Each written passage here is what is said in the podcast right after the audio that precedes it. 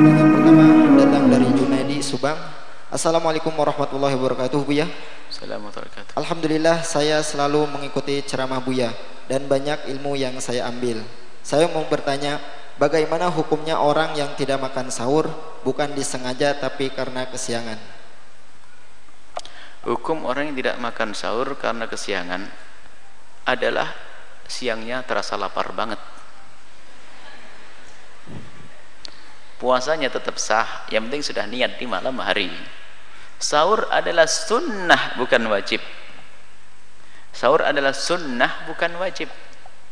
Semakin dekat kepada waktu fajar semakin bagus asalkan masih yakin bahwasanya waktu itu adalah sebelum datang fajar.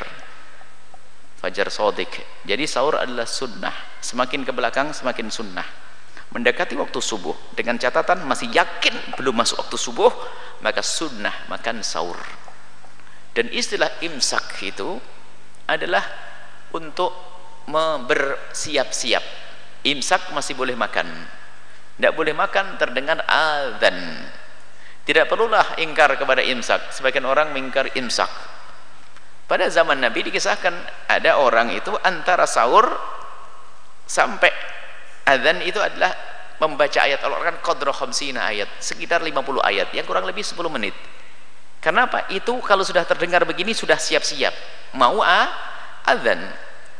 Ada sebagian orang mengingkari imsak itu enggak ada pada zaman Nabi dan sebagainya. Loh, ini tujuannya agar siap-siap.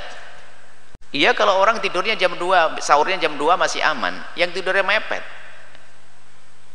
Yang dimakan adalah kerupuk rambak. Hmm? Kerupuk rambak makan banyak belum sempat minum air dengar adzan Allahu akbar Allahu akbar. Enggak boleh lagi. Keseleklah dia. Maka imsak itu adalah untuk siap-siap. Jadi imsak siap-siap masuk waktu subuh sikat gigi cepat dan sebagainya baru sudah Allahu Akbar Allahu Akbar nggak boleh. Kalaupun ada di mulut ada ada makanan Allahu Akbar ya langsung dibuang. Kalau Allahu Akbar telan batal والله أعلم بالصواب.